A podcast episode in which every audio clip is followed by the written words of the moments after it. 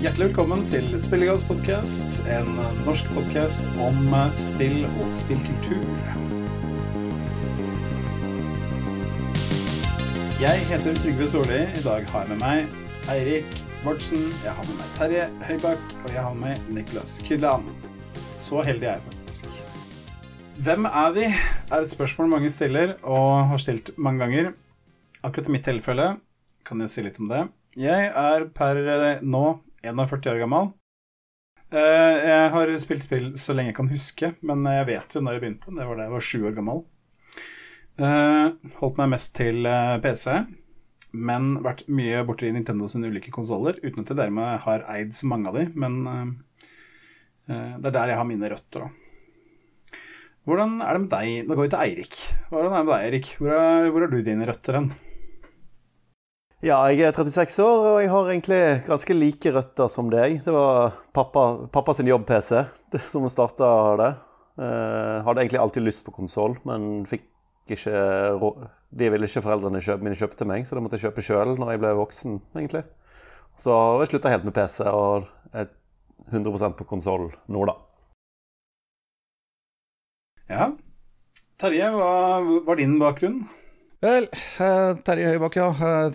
Telemarksgutt. 45 år gammel nå. Og på vis, eh, første spillet, konsollen, dukka vel opp hos oss i, da jeg var fem år gammel, ish. Vil jeg tro. Det var en eh, fantastisk sak som het Unimex Mark 9.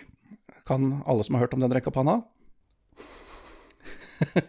Nei da, det var, eh, det var, en av de der mange Pong-klonene som herja på den tida. Jeg tror fatter'n hadde, hadde, med seg en fra Tyskland, av alle ting. Så så uh, trenger ikke gå nærmere inn på den. Uansett, uh, det dukka fort opp Har du den fortsatt? Hæ? Har du den fortsatt? Nei, vet du hva, jeg aner ikke hvor den er blitt av. Den har jeg drevet og leita etter. Oh. Og jeg, var, jeg, var, jeg, var, sikker på jeg hadde den et sted, skjønner du. Ja, men uansett, det dukka opp en Commodore 64 like etter det. Jeg var 6-7 år gammel eller noe sånt nå. Og ja, hadde Commodore 64 til starten av 90-tallet, hvor det gikk over til Amiga holdt meg til datamaskiner, eller i hvert fall Commodore sine datamaskiner. Så, mm. Men uh, Commodore gikk jo til helsike på midten av 90-tallet. Og jeg var ikke en rik tenåring på den tida, så jeg kunne ikke akkurat kjøpe meg noen splitter ny svindyr gaming-PC, så da gikk jeg over på konsoll. Så da ble mitt første møte med PlayStation. Så PlayStation 1 og PlayStation 2 var uh, hovedplattformen min en liten periode da, før jeg hadde ordentlig jobb penger og kunne gå tilbake på PC-spilling igjen. Og har ja. Ja, primært vært en PC-gamer siden da, med PlayStation som sekundær plattform. Mm. En ekte old school gamer, som det heter? Yes. Uh, hovedinteressen er helt klart på, fortsatt på 80- og 90-tallet og de gamle datamaskinplattformene fra den tida. Så ja. det er ikke sikkert dere kommer til å høre så veldig mye fra meg angående moderne spill i den podkasten der. Vi får se åssen det går. Ja. Ja. Det er heller ikke noe mål at det skal være kun det nyeste, hetteste. Dette er uh, spillkultur. Det skal favne bredere enn som så, tenker jeg. Og ha med retro også. Yes, uh, Du og Nicolas, hvor uh, vil du si det, ditt spilleventyr starta? Oi, ja, skal vi se, da. Jeg Altså, sånn, første maskinen jeg eide selv, var en Super Nintendo. Jeg skulle kjøpte, kjøpte brukt av noen venner av foreldrene mine. så ble det jo PlayStation 1 ikke så veldig lenge etter at den kom ut, som var veldig sånn eh, dominerende i min barndom. Jeg er jo 32, så det var liksom den hitta litt da jeg Det var liksom de første maskinene jeg husker ordentlig av PlayStation 1 og Super Nintendo. Og så har det egentlig for det meste vært liksom eh, litt altså For det meste har det vært konsoller. Eh, første Xboxen da den kom, spilte en del kanskje mest liksom, på 360 i tenårene. Er kanskje det jeg har spilt absolutt aller mest. Uh, så jeg kjøpte den første PC før, før, jeg var i midten av tenårene selv. Uh, så gått litt fram og tilbake. Det er vanskelig å peke på én spesiell ting, men det er jo litt nyere da enn f.eks. Eh, Terjes erfaringer. Ja. Nei, men det er uh, Vi får litt inntrykk av bredden her, da, erfaring. Det er fint. Oh yeah. Um, ja. Yes. Nei, men eh, vi tar første spalte som vi har med oss. Det er eh, hva vi spilte i det siste. Eh, forrige runde så var jeg fryktelig god på å ta ordet først, for at jeg er så beskjeden. Vi får ta, gjøre det omvendt nå. Da går vi nedover rekka. Uh, Nicholas, hva har du spilt i det siste? Har du spilt noe spesielt? Jeg har jo egentlig ikke sånn uh, Hva er det jeg har spilt, da? Jeg må tenke litt. Kan ikke, kan ikke andre hoppe inn mens jeg samler tankene litt? Yes. Eirik, du har eh, sagt, ført opp Midnight Fight Express. Det er jeg veldig spent på å høre litt om. Ja. Jeg, eh, jeg hadde lyst til å teste noe um, GamePass-greier. Så så det spennende ut. Um, ja. Det er litt sånn eh, Hotline Miami-aktig, egentlig. Tydelig inspirert av det. Fordi det refererer til det, både i achievement-navn og de der maskene fra Hotline Miami, hvis dere husker de. Um, Ja, ja, ja. men det Ja. Det er litt sånn uh, Mindre uh, inspirert da, på en måte. Grafikken er litt sånn uh, generisk og sånne ting. Men Og storyen er litt sånn jalla, prøver å være kul og morsom. For eksempel, jeg skrev ned en dialog som jeg spilte rett før I'm gonna, I'm gonna smash your head into a goddamn popsicle, bro. Eksempel. De, de, de, Ja, de er prøver å være veldig sånn kule og morsomme, men de, de bommer litt, da. Ja, det, kan, det kan hende at den som skriver det, fikk høre fra mora si at ja, det var kjempekult. Ikke sant? Men ha med i spillet. Ja, det var skikkelig kult. Ja. Ja, ja, men må, Nei, men eh, ja. man har noen sånne sånn, tøffe, eh, tøffe one-liners som det, vet du. Det er sånn ja, ja, ja. Nukem-stil. Det, det Ja. liker vi. Men det er litt sånn annet eh, I Portland Miami føler jeg er litt sånn puslete, nærmest. At du liksom må løse, løse rommene, på en måte. Med, eh, Mm. Men dette er litt mer Det er sånn eh, Du må Det er på en måte combat encounters, da. Uh, levelen her. Og du må liksom drepe alle Og det, det, det er mer sånn en brawler, på en måte, da. Selv om du tåler jævlig lite. Og så, og så er det litt sånn Batman-aktig combat, da. Uh, og så leveler du opp, ikke i form av at du blir uh, tåler mer og sånn, men du får nye uh, nye knappekombinasjoner og sånn, da. Eh, så du begynner bare med en light uh, light combo, liksom. og så unlocker du counters og sånne ting, da. Og får litt av den samme tingen i Batman som jeg liker veldig godt. eh, at du kan targete fiender veldig langt unna og sånne ting. At du liksom spretter fram og tilbake. Så litt sånn eh, John Wick-musikk og litt den, eh, den stilen der. ja. Så- Sorry, jeg fikk ikke helt med meg. Hvilken, liksom, hvilket perspektiv er det? liksom? Er det, er det 3D, liksom? Er det ja, det er det. Det, det er 3D, men det er isometrisk, da. Ja, OK. Så ja. Det, det, det, faktisk så minner dere akkurat perspektivet meg litt om det der Donut County eller annen ting. gra, grafikken ja, ja. er liksom Selv om Donut County er veldig sjarmerende grafikk, og jeg sa at grafikken her var generisk, så er liksom perspektivet og det er noe med grafikken som minner meg veldig om det likevel, da. Ja, jeg skjønner. Eh, ja. Så Ja, du, du nevner jo stikkord her. Du nevner Hotline Miami. Og da tenker jeg oh, det er med 100 For at jeg har spilt i veldig mange timer. Både eneren og toeren. Uh, og så nevner, du, nevner du Batman. Og da tenker jeg ok, da kanskje jeg ikke er like mye med likevel. jeg hater jævla kombisystemer. Altså. Men, eh, med- jeg er med på den Hotline Miami, det er en veldig god referanse. Det, da, da spisser ørene seg litt. Det er faktisk lite som er så deprimerende som å fyre opp et nytt actionspill, og så havner du i første sånn combat-sekvens, og så bare ja, gu- er, oppdager at all shoppinga er Batman Arkham uh, Asylum-combaten. Det, jeg hadde en opplevelse med, med den Spiderman-spillet. Jeg testa det for noen uker siden. Så var det sånn, ok, det her har jo folk sagt skal være ganske bra, og det ser jo veldig nice ut, sånne ting. Og så spiller jeg liksom tutorialen og introen i 20 minutter, og så bare er jeg, er jeg ferdig, altså. Jeg orker ikke. Jeg orker ikke trykke på blinkende knappekombinasjoner når det lyser over hodet på vindene. nei. Ja. Det er nøyaktig min opplevelse da jeg spilte Spiderman Miles Morales eh, på PlayStation 5 her. Det, var, Mm. det holdt den de ti minuttene, kan du si. Jepp, det var eh, Yes.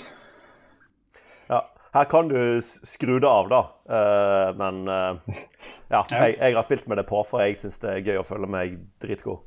Ja, ja. Ikke sant? Og det er vanskelig nok fra før, da. Og så når du skrur av, så velger figuren din bare Han velger ikke vold da, som utvei lenger, så alt blir bare dialog Nei. og Ja, ja, ja. Da, da blir det Hva heter det der RPG der du kan spille hele spillet uten å, dø, uten å slåss? Da blir det det. Hvilket annet? Nei, Final Fantasy 12 i hvert fall. Ja, ok, ja jeg tenkte på det der indie-spillet, jeg nå. Jeg tror du tenkte på Final Fantasy 12, Eh, Erik. Undertale, ja. Ja, det må ha vært det. Undertale. Undertale, ja. Selvfølgelig. Ja. Nei, men uh, altså Different Strokes, Different Folks er det noe som heter, og det Ja. Altså Noen er glad i at man får liksom får de der Simon Says-greiene. Jeg synes det er Mm. Jeg valgte å spille Ninja Guiden, og der er det meningen at du skal liksom Der må du beite litt, du må Mm. eh, kjøre litt sånn eh, Du skal liksom eh, lure fiendene litt, eller så må du bare klare å gå rett inn. Og det er eh, Ja, det er mye mer sånn Du må være mye mer aktiv, syns jeg. da Det liker jeg godt i kampsystemer. Eh, Jeg mistenker at dette spillet ikke, at det ikke er noe for dere. da, For jeg synes liksom det eneste som er liksom én treff, er jeg syns musikken er kul. eh, Og så syns jeg combaten er kul. Men combaten er sannsynligvis ikke deres signal, siden jeg er eneste som liker, liker Batman her, tydeligvis. Men eh, eh, ja, for grafikken og alt er litt sånn halvveis. De, de prøver. De har sånn her uh, X- X-ray broken bones, på en måte. Hva sa det? Mortal Kombat-greiene. At det ja. når du, når du tar en fyr. Og så har de de, men folkene, folkene ser ut som sånne Xbox-avatarer eller PlayStation Home-avatarer, liksom. Det, Au da. ja, det er liksom okay. Så, ja. Det er, ikke, det er liksom ikke Ja, det er sånn graphic design is my passion over Ja, de men, avatarene, eh, skjønner jeg. Og så går det Og så er det masse customization. Du unlocker sånn uh, um, Hva heter det sånn eh, Nei, bare uh, hvordan du ser ut. Hva heter det igjen? Eh, ja, sånn som ikke på. Ja, du, du unlocker masse sånn Du får penger som kun du kan kjøpe sånn eh, visuelle ting på. Uh, men eh, de, har- de har ikke De har en million hårfarger, men du kan ikke være skalla. Så jeg får ikke lage meg sjøl. Oh my god. Ah, I 2022. Å nei. Herregud. Hvis en ikke kan designe seg sjøl i spillet, så er det Nei. Da er det Altså, bare jeg det var- det var vi, Som samfunn så syns jeg vi skal heve oss over og tillate sånn uh, bold phobic spilldesign. Det Ja. syns jeg ikke noe om. Ja, Helt Nei. Da ble Midnight Fight Express det ble cancelled. Sorry. Men til tross for det, så kan det hende Jeg tror jeg kanskje kommer til å spille ferdig, for jeg er nesten halvferdig allerede, liksom. Så det, er ikke, det virker ikke så Ja, ja. langt og sånn, så Men Yes. yes. Nei, men eh, bra. Da, da fikk vi litt både fikk, Da fikk vi se begge sider av, av medaljen, føler jeg, på Midnight Fight Express. Men soundtracket anbefaler du. Ja, i hvert fall i, i forbindelse med spillet, da. Er det litt sånn blodpumpende Det syns Jeg vet ikke om det er noe å høre på i seg sjøl, men jeg syns det jeg, jeg liker Det kommer jo faktisk litt til seinere i en seinere spalte. Jeg, jeg er fan av musikk som liksom bare driver deg, liksom. Som du får sånn bloodlust av. Det, det digger i spill. spill. Spillmusikk som er faktisk spillmusikk. Ja. Ja, ja, ja. For det, det skal jo ha en funksjon også, på en måte. Det trenger jo ikke på en måte bare være catchy poplåter, men faktisk liksom være litt sånn Ja, Ja. litt avhengig av spillet. Så har du jo en faktisk funksjon. Absolutt, absolutt. Ja, David Terje. Du eh, ligger noen hakk foran oss andre, og du er allerede på Adventures of Lomax. Ja, PlayStation 1 har jeg hørt. stemmer. Uh, ja, det Så må du fortelle litt mer om. det kom jo ut så mye gode trippel-spill nå om dagen, og masse indie, flotte indiespill og sånt å spille, så Nja, gikk tilbake til 1996 og fant meg et PlayStation 1-spill. Adventures of Lomax, ja. Uh, jeg må nesten ta med forhistorien her. Uh, for eh, jeg var på Retrobessa for to uker siden, tror jeg det var. Sammen med eh, en gjeng fra spillpodkasten. Mm. Og Håkon, som er den ene som driver den, han kom eh, gå bort til meg og sa at vet du hva, vet du hva jeg har kjøpt nå? Jeg har kjøpt Adventures of Lomax, det vet vel du hva er? Og jeg så jo ut som et spørsmålstegn. Og da, og, og da fikk jeg så øra flagra. For eh, som jeg nevnte, så har jeg vokst opp med Commodore og Amiga-datamaskiner. Der Lemmings er jo en legendarisk ting som kom ut av Amiga-greiene. Og Adventures of Lomax er selvfølgelig et Lemmings-spill. Og alt jeg kunne si, var at uh, tittelen ringer en bjelle, men uh, Så ja. Vi snakker her så om det utvidede Lemmings-universet, liksom. ja, faktisk. Faktisk. Det cinematiske For, Ja. For Adventures of Lomax er ikke et puzzlespill sånn som eh, de originale Lemmings-spillene er. Dette her er en 2D-plattformer som kan minne veldig mye om de tidlige Rayman-spillene.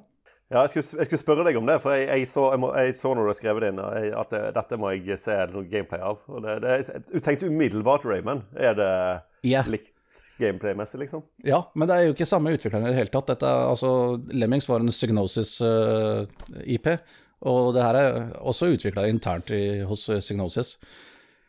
Så jeg må bare si at presentasjonen på dette her er drit. Dette er, noe av den mest eh, strøkne pikselgrafikken, 2D-pikselgrafikken jeg har sett, for å være helt ærlig. Ja, jeg- Og det- det- Jeg fikk skikkelig lyst til å spille det. Av. Jeg husker jo dette spillet. Når jeg ser på det nå, så husker jeg jo Ja. å spille demoer av det og sånn.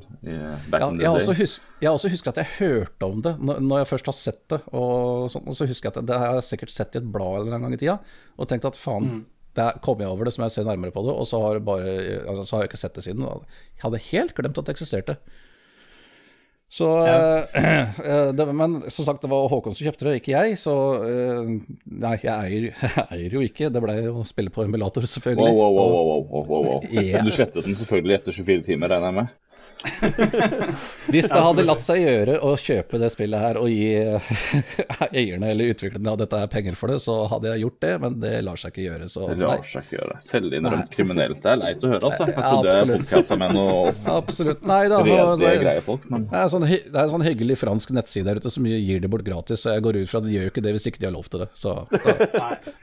Så Men eh, folk, eh, altså folk vil skulle ljuge på internett, det er en utenkelig situasjon, så det, Ikke sant. jeg Men- støtter den. Men ja, altså det er, det er basically en eh, 2D-plattformer å gjøre alle de tinga du egentlig er vant til der. Du, har, du løper, du hopper, du har et spin attack og tar ut fiender med, og det er visse ting du skal plukke opp og samle mer av for å få et ekstraliv her og der.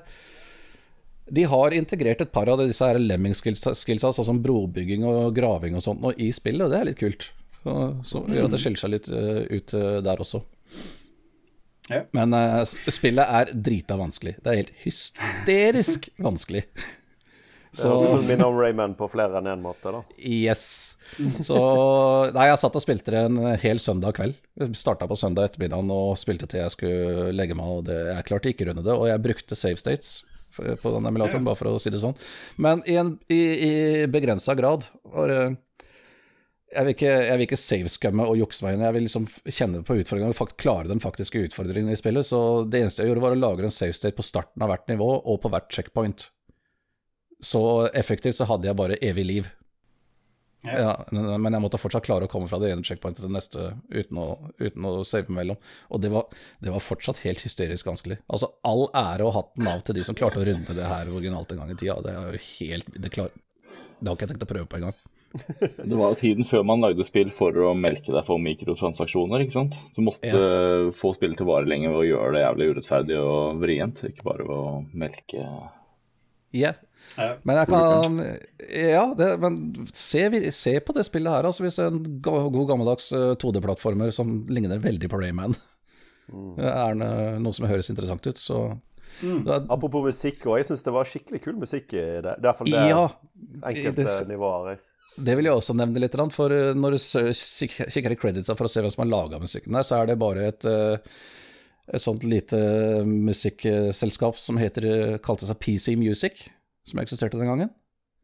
Og jeg har, det har jeg, forsøkt, jeg har sett de mange ganger før, i mange andre PlayStation og PC-spill fra den tida, og jeg har prøvd å finne ut hvem faen de var. Aner ikke. Det er fader ikke lett å finne på nett. Hvis du søker på nett nå, så finner du bare et helt annet selskap som heter det samme som starta i 2013. Og øh, jeg vet, jeg vet ikke om noen av dere er kjent med Maniacs of Noise, som, som eksisterte på altså, Selvfølgelig er vi Ja. kjent med Maniacs of Noise, men for Ja. de uinnvidde så kan du sikkert gi en kjapp uh, gjennomgang. Ja, altså det Det var øh, noen øh, det var opprinnelig Commodore 64-musikere som slo seg sammen øh, og starta et selskap sammen, og markedsførte seg som musikere og solgte musikk under ut ifra det selskapet, da. Så det, de opererte både på Commodore 64, Amiga, NES og Super Nintendo, så vidt jeg vet. Og PC Music virker å være et eh, tilsvarende firma, altså, hvor flere spillmusikere bare gått sammen, og så har de laga og gitt ut musikken og solgt musikken under dette. Og alltid kreditert som PC Music, og aldri som personene. Og jeg greier ikke å finne ut en dritt av hvem de var. Det Det står ingenting på Moby Games heller, liksom. Nei, det gjør ikke det. Jeg, jeg, jeg var inne og kikka på for en halvtime siden, faktisk. Det eneste er Ja. eh, det, Moby Games har ikke engang en komplett liste over alle spillene de er kreditert på. For jeg, ser, jeg, for jeg ser den lista der, sånn, så ser jeg det mangler mange, som jeg vet.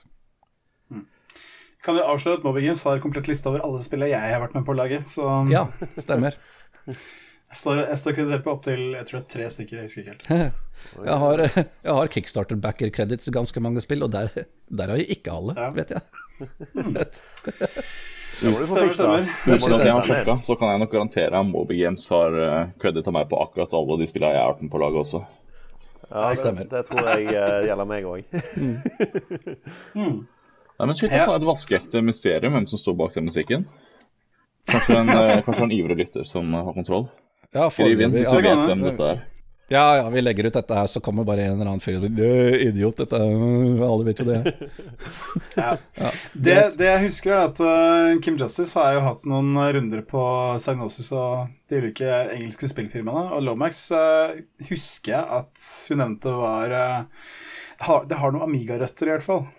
Det, er, uh, det syns jeg du ser på grafikken nå, at det er et spill som uh, er nesten det samme spillet, bare som kom til Amiga og PC, og så har de gitt ut uh, med Lemmings-lisens til PlayStation. Ja, for, jeg lurer på Lomax kom kanskje på PC også. Ja, det gjorde det. Ja, det gjorde det nok. Men det var, 19, Yes. men det var 1996, og eh, ingen, eh, ingen ga ut spill til Amiga lenger i 1996. Det slutta, det slutta i 95. Ja, eh, ettersom jeg, ettersom jeg mener å huske, så er det sånn at de hadde et Amiga-spill eh, som ble gitt ut ganske seint i Amigaens livsløp, og så skulle de lage en oppfølger, og bare ja, det er ikke noe marked der lenger, så da ble avtalen at ja, vi lager det for Psygnosis, og så blir det Lemmings. Stemmer. Og man også tenk på at uh, Sony hadde kjøpt Psygnosis for et par år siden allerede også, da. Så de hadde, Mm. de hadde litt andre interesser. Tror du du kommer til å spille det ferdig, da, Terje? Eh, jeg har jo tenkt det. Jeg, jeg kom eh, tror jeg er på aller siste verden, ser du. Det er, bare, det er, bare, det er blitt helt hysterisk vanskelig. Altså, nest siste verden brukte jeg faen to, to og en halv time bare på den. Hæ? Ikke sant? Den, der, den playthroughen jeg så, så han, han som spilte den, eller hun, drev og snurret noe helt sinnssykt. Gikk og tok det der spinatech hele tiden. Er, er det en sånn eh, speedrunning-greie, eller er, Ja, er det liksom sånn du spiller? helt Du må sikkert. konst... Helt sikkert. Muligens du beveger deg raskere eller et eller annet. Altså, det, er, det, er, det er jo sånn du angriper, og du er bortimot usårbar i de to sekundene du spinner, antageligvis. Så Ja. Ja. Det er jo sikkert ingen grunn til å ikke stemme. jeg er jo for så vidt, for så vidt noob i spillet. Jeg spilte én kveld. Så. Yes. Ja, men eh, jeg kan, det er veldig spennende å høre om. Um, jeg kan si, fortelle litt om hva jeg har spilt, um, for å runde litt av spalten. Eh, jeg har satt opp to stykker. Det ene er Vampire Survivors, som sikkert mange har hørt om. Jeg vet du har spilt det, Eirik. Ja. Niklas har også vært bortpå det, tror jeg. Ja, jeg rørte det i, noen, i opptil flere timer. spilte jeg det. Ja. ja, samme her. Ja, nei, jeg nærmer vel 30 timer, tror jeg, totalt. Okay. Um, det som eh, Ja, de, de som ikke har vært borti Vampire Survivors, de kan kanskje nøye seg med å høre at det er en uh, rogelight, men det er en rogelight med ekstremt lav terskel. Det, er, eh, det står på Steam-sida så står det første ordet er eh, 'a casual game'. står Det Det er for så vidt riktig. det er uh, super basic, egentlig. Du, plottet er vel det at du skal ta en vampyr. Og da må du starte med en figur. Uh, Du starter med en som er, bare basically er Simon Belmont fra Castlevania. Og så skal du farte rundt og drepe monstre. Og gå opp i level og samle nye våpen. Greia er at du trenger ikke, du trenger ikke angripe sjøl engang. Det er bare, du må bare flytte deg rundt. Det er det eneste du kan gjøre. Og så selvfølgelig velge hva du skal plukke opp, da. Um, men grunnen til at uh, Vampire Survivors holder uh, interessen oppe så lenge for meg, da, det er at det er, uh, det er jo i den undersjangeren av uh, rogelights hvor det Poenget er at det skal gå fullstendig over stokk og stein etter hvert. Der tenker jeg på, spesielt på Risk of Rain, da, som jeg også har spilt mange timer. Samme type spill. Eh, hvor du da starter veldig sånn sakte og rolig og koselig og fint og sånn nå.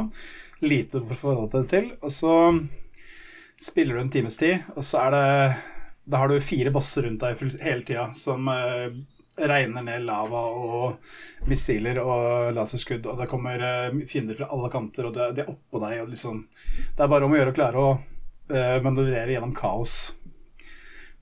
Sånn er det veldig greit i Vampire Survivor. Sånn. Det er sånn når du På slutten av en runde så er du gjerne sånn at hele skjermen er bare dekt av prosjektiler, fiender, lasere, magiske effekter, alt mulig.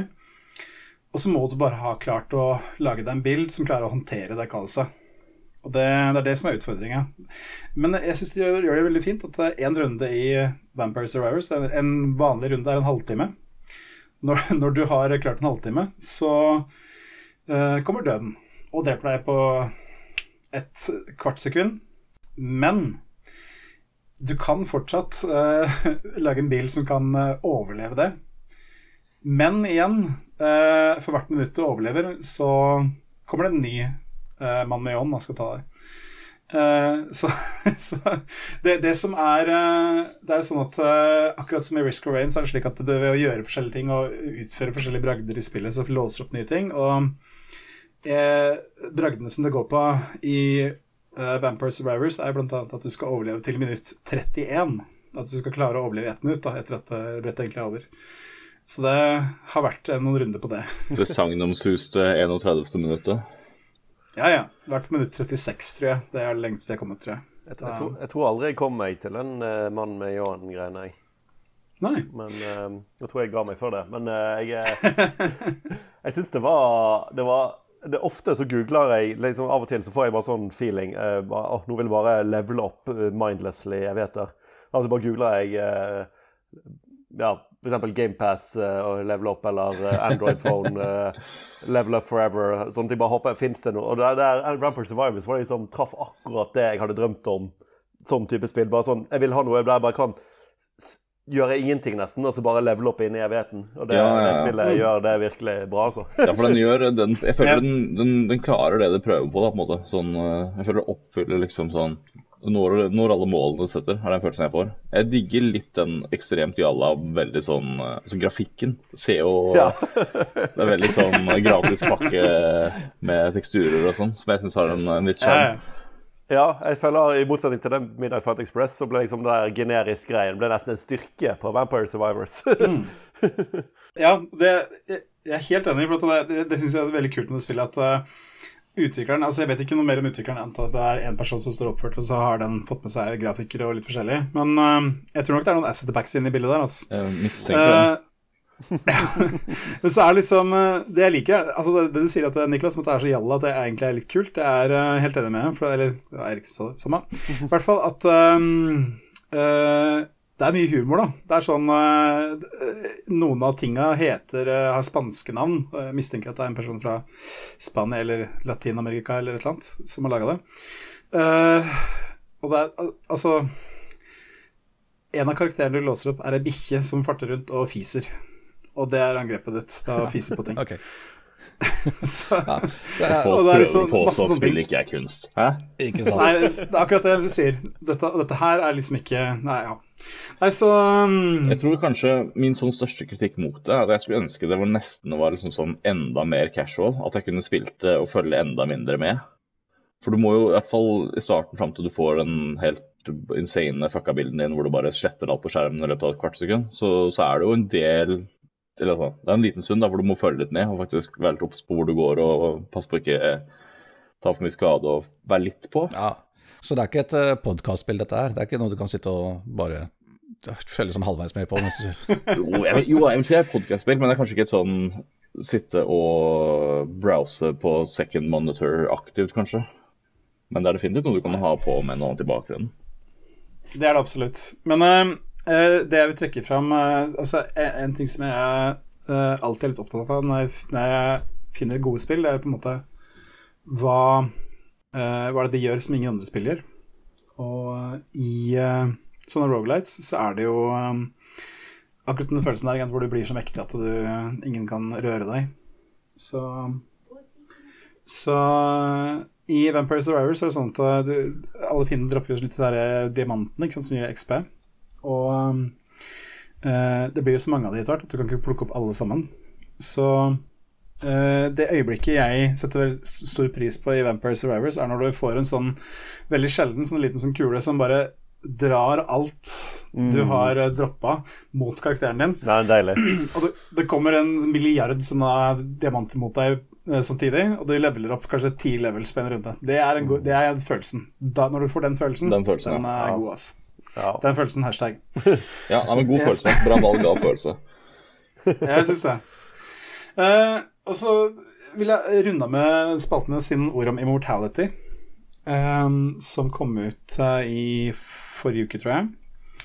Det, er, det har blitt litt prat om det, for at jeg fikk ti av ti mulige av Edge. Og det er noe de har gitt sånn totalt 20 ganger i løpet av sin eh, 300-årige historie. Edge sånn finnes fortsatt? Edge finnes fortsatt. Imagine that. I hvert fall uh, Immortality, da.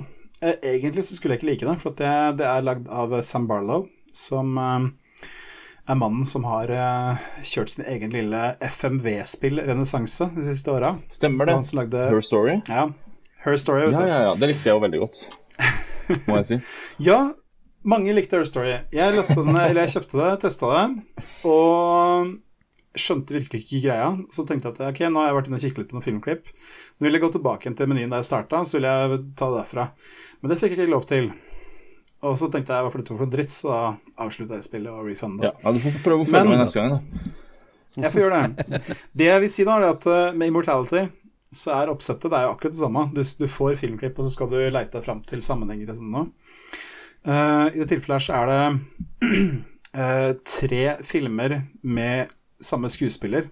Altså det er flere fellesnevnere, men uh, samme dame har vært skuespiller i alle filmene. Eh, og hun har da forsvunnet etter at hun har laga de filmene her. Uh, og så skal du på en måte restaurere filmene, gå gjennom alle filmrullene og finne klippa.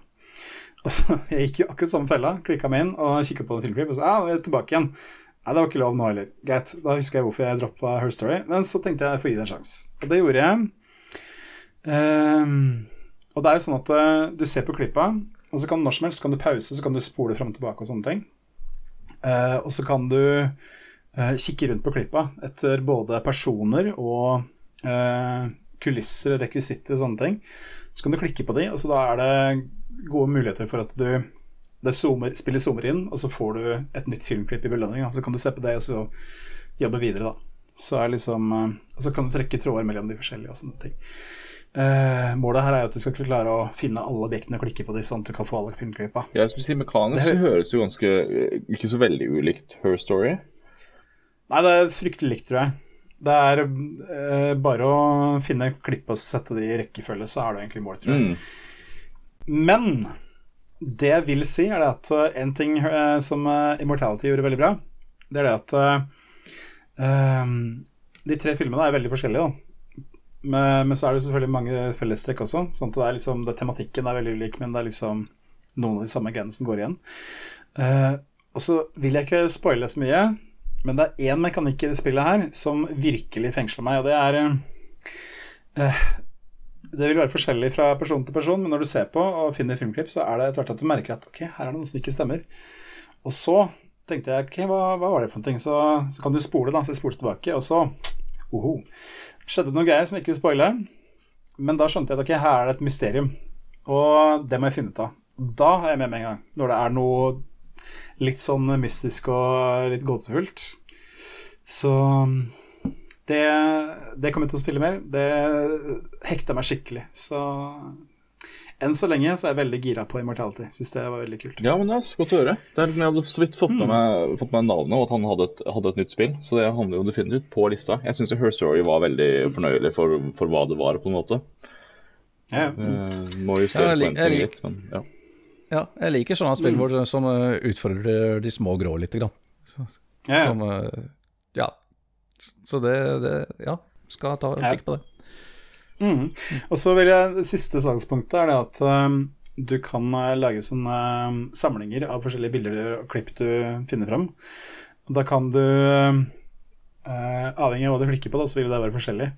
Men uh, jeg skulle sjekke, og så fant jeg ut at det, det går an å lage en egen samling bare med bilder av pupper. Så det har jeg. Da er du fornøyd? Selvfølgelig. Da er jeg allerede Da er det minst ti av ti. Altså, Ja, ja, ja. Det var kanskje én ting jeg savnet fra Her Story, var vel akkurat den funksjonaliteten der. For lite pupper. Det gjelder de det ikke. fleste, de fleste spill. Det fin, finnes sikkert en puppemod til det nå.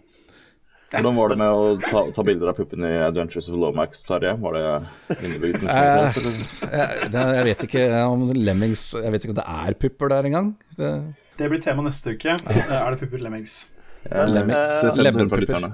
ja, okay. Ja, jeg har et spørsmål til det der um, ja, Immortality. er, for siden det er tre filmer, er, er det tre filmer som du, du, man får lyst til å se filmene, liksom? Eller er det bra skuespill og sånn? Eller er det sånn OK, dette er cheesy og gammelt, uh, eller hvordan Hvordan er liksom uh, kvaliteten på selve filmene? Det, det, som Det er også Det er veldig glad for at du sa, for det la jeg også merke til. At altså, det er jo filmer som er lagd spesifikt for dette spillet. Ja, det skjønner jeg. Det er lagd, det er lagd for at det skal klippes opp ikke sant, og være mm. interessante sånn i løpet av de kanskje 10-12 sekunder for seg da, i gangen. Mm. Um, men de er bra, altså. Er, uh, den første filmen er sånn, det er sånn super cheesy, sånn uh, italiensk uh, drama. Italiensk-amerikansk drama, ikke sant.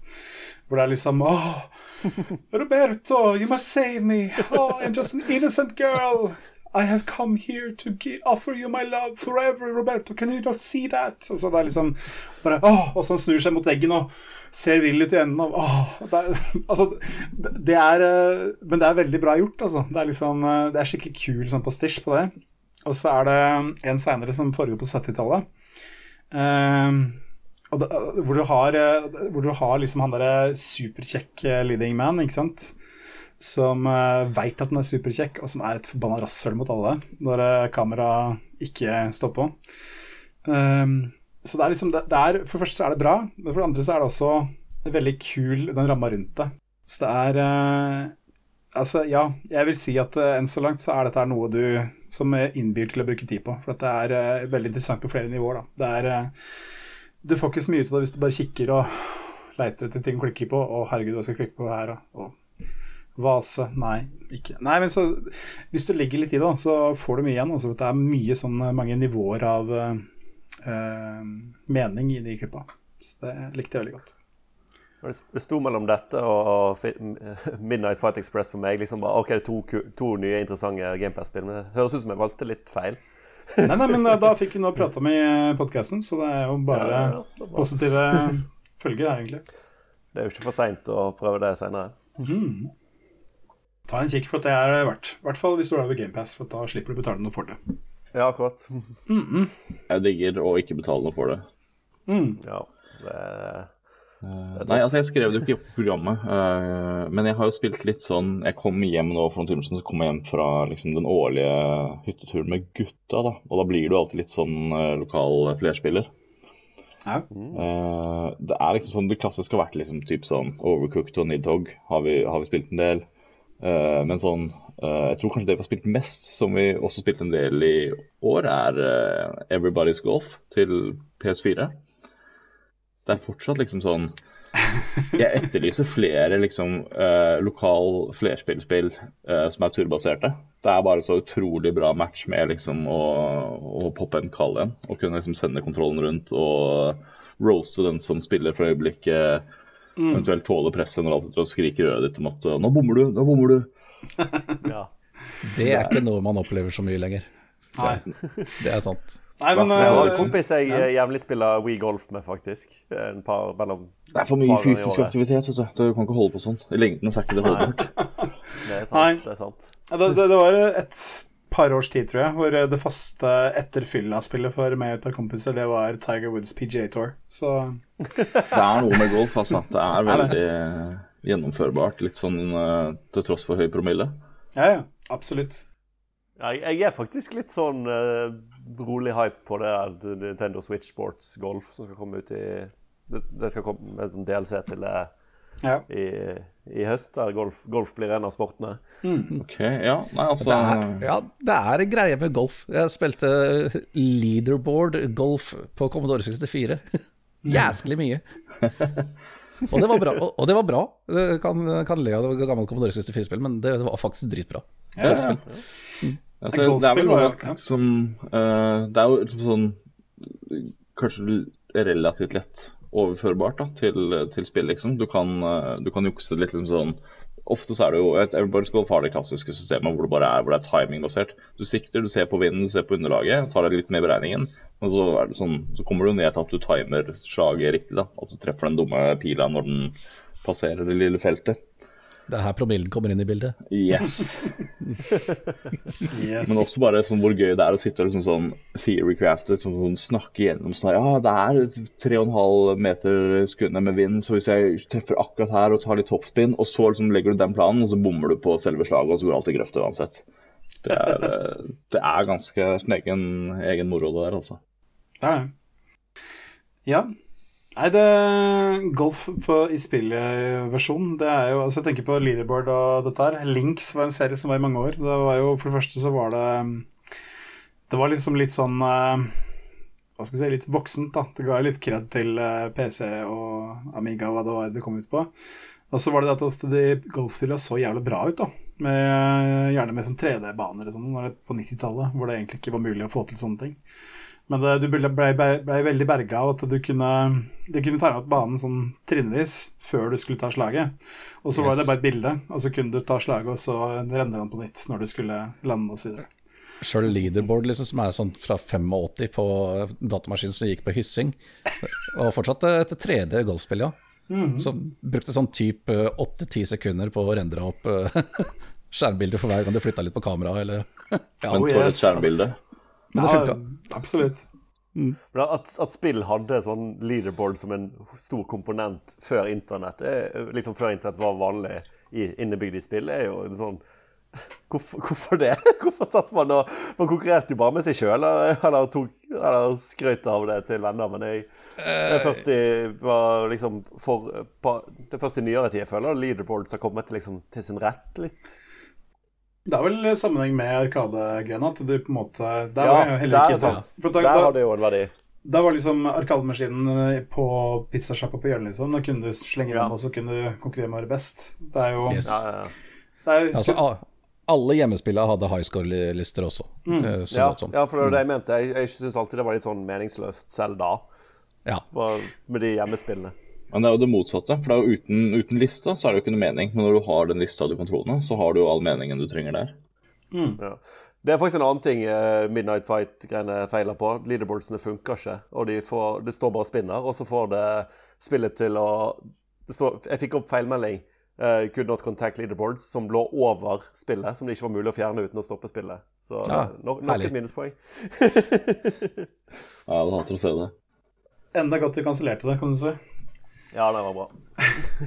Jeg, Ja. også, jeg brukte også helgen til å finne ut hvordan jeg kan nå fremprovosere med 100 sikkerhet en krasj i eh, OS-et på PS5.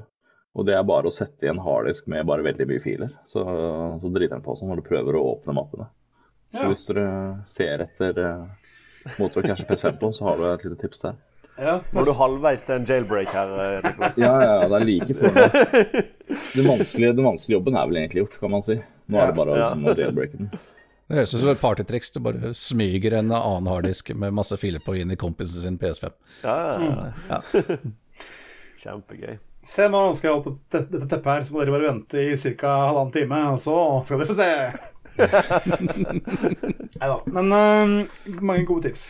Ja, Kan ta, du si Ja? jeg, jeg, jeg tar faktisk et minutt kjapt minutt til. og Bare nevner at jeg spilte også um, Windjammers 2. Og det er litt sånn, sånn Oh. Hvis du har noe forhold til Windjammers, så, så vet du hva som skjer. Og hvis ikke, så er det nok ikke så veldig spennende. Eh, veldig kort fortalt det er liksom sånn Det er et Neo Geo-spill, tror jeg, opprinnelig. Eh, et sånn top town eh, frisbee-tennis er vel raskeste beskrivelsen. At du har liksom, Det er liksom en sånn, lagt opp som slåssespill nesten, med forskjellige figurer med vektklasser og sånn. Og så Ja. kaster du en frisbee fram og tilbake på banen og prøver å komme forbi motstanderen din. Og så har du liksom litt sånn uh, slåsspillaktige ting med forskjellige skudd, og du kan gjøre sånn halvsirkler på stikka for å få skru og sånne ting. Uh, Og de slapp. Det, det, det er fra sånn midten av 90-tallet. Og så ble det lagd en oppfølger nå i år, som jeg ikke har fått spilt før denne uka. Men den, uh, det gleder meg å si at det faktisk er en ganske virker som en veldig habil oppfølger. Virker som de har skjønt greia. Nemlig så er det ganske, det er veldig likt. da, det er veldig likt ene. De har ikke gjort så veldig mye endringer. Han har liksom ryddet litt opp i, i grafikken av menyene, og så lagt et par ting som, som endrer gameplay litt, men ikke sånn drastisk. Mm. Det er sånn, Hvis du syns lokal én mot én multiplayer er gøy, og, og liker bra spill, så, så anbefaler jeg det, altså. Ja. Jeg støtter det 100% Har spilt uh, Windjammers 2 i en del timer. Eh, det har veldig bra netcode òg. Jeg tror de har eh, rollback på den. Så Jeg skulle til å si det. Ikke sant? Jeg har aldri vært så veldig på, på slåssespill, men jeg vet det er en ganske sånn big deal at de har at de støtter riktig protokoll for uh, For det er jo liksom det er én Det er sånn GG Hva er det det heter den Ja, jeg husker ikke, det er, i hvert fall- men jeg tror det er den de bruker. I hvert fall så er det rollback, det er den helt sikker på. Det er, det er bare smooth og deilig å spille på nett. Så det, er... Ikke sant? Det er det du vil ha. det vil du ha. Og det er uh, veldig lavterskel, i spillet òg. Du bruker ikke lang tid på å komme inn i en karakter der. Så, men så er, det, så er det timing og taktikk som det går i. Og det er det er rein kos, altså. Det er Windjammers 2. Kjempespill. Så gi deg en snurr hvis du ikke har allerede.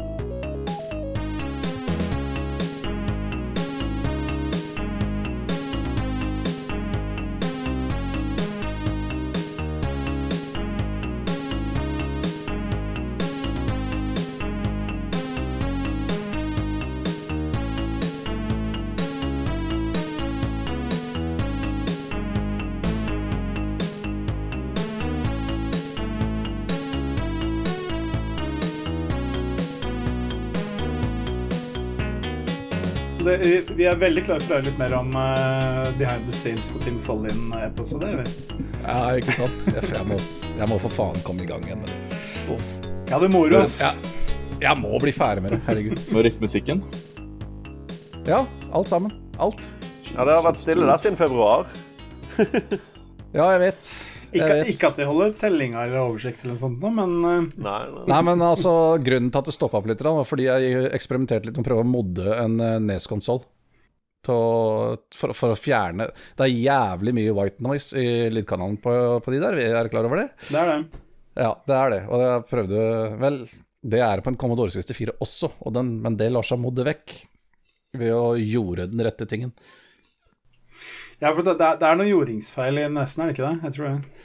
Ja, det er sikkert et eller annet. Og det, jeg, jeg prøvde også å finne ut av det. Jeg, jeg, har, jeg har, to neser, to strømforsyninger og flere sånne antennekoblinger for å feilsøke.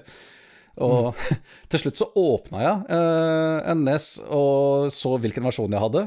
Fant eh, koblingsdiagrammet til eh, CPU-en. Så eh, all, all lyd, lydfunksjonen og alt sammen ligger på den samme brikka. Så jeg satt faktisk eh, der sånn med Super Mario Bros 3 i greia, med maskinen på, og så satt jeg med en kobbertråd og shorta fra jordpinnen og de forskjellige lydpinnene på, rett på CPU-en. Og greit, den eh, lyden låste seg for hver gang hver jeg prøvde på, uten at det hjalp å fjerne støyen eller noe sånt, men konsollen hang ikke. Jeg trengte bare å ta ledningen vekk igjen, så kjørte den videre. Ja. Og det, det er dritkult med de der gamle, nesten mekaniske konsollene. At du kan gjøre sånne ting, og det går, det går helt greit. Ja, ja. Men, Jeg husker jo det fra at det var en greie at visse Igjen nå viser jeg hvor ung jeg er sammenlignet, men jeg husker at visse PlayStation 1-spill så kunne du ta ut disken mens du spilte, for den lasta liksom det den trengte for å kjøre banen eller whatever fra, fra plata. Og så kunne Ja. du bare bytte den ut med noe annet. Du kunne sette inn CD hvis du ville høre annen musikk. Stemmer. Stemmer. stemmer. Eller et annet spill som virkelig vil. so so ja, for sånn sonefri eh, greie? Var, det PlayStation Dreamcast? Det var en eller annen konsoll du kunne liksom spille japanske spill på den måten? og Ja, stemmer. Greia med Dreamcast var vel at du At ikke det var noe særlig regioner. Eller hvordan Jeg hadde aldri Dreamcast, men jeg husker det var noe sånt du kunne jeg piratkopiere ved bare å spille, spille brente spill uten noe Jeg syns Ja. Trygge sitter og smiler. Få høre. Eh, ja, uh, Dreamcast det gjør jo stort poeng ut av at uh, det ah, GD-rom uh, heter formatet, det kan du ikke kopiere. og så Poenget er at eh, um, de som lagde Action Replay, hvis du har hørt om de det, er, um, eh, det var sånne dongles sånn koble på fysisk add-on du satte på maskinen, var det ikke det? Jeg husker de ja. hadde liksom til, til PlayStation og kanskje Nintendo 64 eller sånn. Mm. Dreamcast-versjonen var samme greia, hvor du kunne sette inn en CD, og så kunne du sette inn koder, og så kunne du få spillet til å kjøre med de kodene, og så få ekstra liv eller sånn. Bare at for å få det til å funke, så måtte de bryte ko- kopibeskyttelsen til eh, Sega. Eh, så det, det, det sa det ikke så høyt, da, men det måtte jo gjøre. Og så var det sånn at det var ett magasin, altså dette var jo da spillmagasinet var en greie i England, så var det en journalist som var litt gira. Bare, ah, 'Kan ikke vi få den eh, Action Replay-demo Kan ikke få en demo da på å legge ved bladet vårt?' Så fikk de det, da. Uh, og så gikk det ca. 20 minutter før folk fant ut at ja, denne, denne CD-en som du får med et blad som koster fire pund, den lar deg piratkopiere spilt til Dreamcast uansett hva det er for noen ting. Så det ble revet av hyllene på en time, ikke sant. Og, liksom, og etter det så gikk det ikke så bra med Dreamcast. Men uh, du kan si det som at det slutt på Sega. Den er lei, altså. Ja. Det, er, det, er, dårlig dag på jobben når du drar den der. Den er, er, jeg tror, tror, ikke det var den beste dagen på jobben for journalistene, må jeg bare si. Men uh, uh, ja. Nei da. Men Klipper til alt dette, så det blir bonuscontent. Ja, det er bra. Jeg, jeg, jeg, jeg, dette, dette, er jo sånn, dette er jo gull. Du, mm. Kan ikke du bare si at dette var starten på de siste fem minuttene hjemme, og så bare går vi over i spalten igjen? Ja, du, jeg syns egentlig den spillegal-podkasten var så kul, men så var de så slepphendte med hvordan de markerte når de skifta segmenter, så jeg orka ikke mer. Nei, jeg skal, skal, se hva jeg får til. Jeg kan ikke love at den delen her blei bli med for Hvis jeg ikke finner et godt inngangspunkt. Ja, du får, du, vi får se. Du får ta en voiceover. Og ja, ja. nå har alle gutta kommet tilbake fra do. Ikke sant? Bæsja fra seg.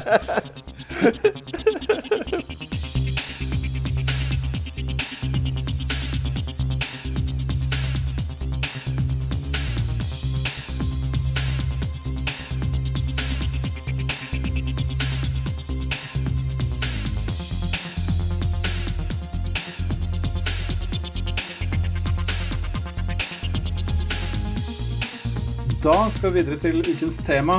Og det, denne uka her så har jeg sagt at det skal være en undervurdert spillmekanikk eller et gameplay-element. Hva tenker vi at burde ha en større plass i dagens spillflora, som har ramla litt ut i tidens løp?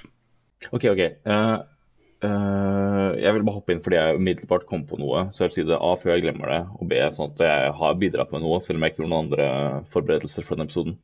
Høres bra ut. Så uh, jeg vet ikke, altså sånn På um, Jeg er veldig fan av på Switch så er det et spill uh, Hva er det det heter? Uh, begynner bra. Det begynner bra, det gjør det. Uh, jeg, altså sånn, jeg har snakket litt om lokal multi tidligere. Jeg er jo ganske stor, skal se, stor tilhenger av det. det er ett spill Fuck, hva er det det heter, da? Uh, vet du hva, ta bare noen andre hoppe inn i mellomtiden, så skal jeg faktisk uh, finne ut hva jeg prøver å si her. Eirik, du nevnte det at du kom litt tilbake til det med spillmusikk. Uh, og du har mm. sagt noe om at uh, du ønsker deg mer actionspill som ikke er rytmespill, men hvor på en måte musikken spiller en stor rolle. At du skal gjøre kule ting, og det skal være synkronisert med musikken. Eller at musikken blir påvirka av det du gjør. Ja. kan ikke du utdype litt om det? Det syns jeg er skikkelig kult. og jeg, jeg føler når jeg tenkte på dette, for når, når, når du sa Når jeg, du skrev temaet for episoden, så tenkte jeg umiddelbart på dette. da. Uh, og jeg vet jeg har opplevd enkelte spill. Uh, det er jo gjerne sånn typisk i, i sånn Jeg kommer ikke på eksempelet spesifikt, da, men det er quicktime events gjør det av og til. med at liksom du trykker liksom akkurat til en sånn til biten eller noe sånt. og men det spillet som har gjort det best jeg har vært borti, som man kan jo kanskje argumentere for at er et rytmespill, det er Pistol Whip. Et sånn uh, VR-spill. Som, mm. uh, som, også har sånn John Wick-musikk, da. Så det var kanskje litt derfor jeg tenkte på det siden jeg spilte uh, Midnight Fight Express. For det, jeg savnet litt der. At jeg skulle gjerne For de har sånn her blodpumpete musikk, sant. Men jeg skulle gjerne liksom åh, At du fikk noe liksom ut av å trykke akkurat til beaten i musikken eller et eller annet. Mm. Det, det er noen spill som gjør det veldig bra. Men det er gjerne sånn quicktime-eventspill. Det, det er et spill jeg har spilt som heter Sonar Wild Hearts, som aldri ble spesielt kjent, tror jeg, men som egentlig bare er et svær quicktime-bonanza. Men som har skikkelig kul musikk. Um, og der du liksom alltid trykker liksom gjør ting i time til musikken. da.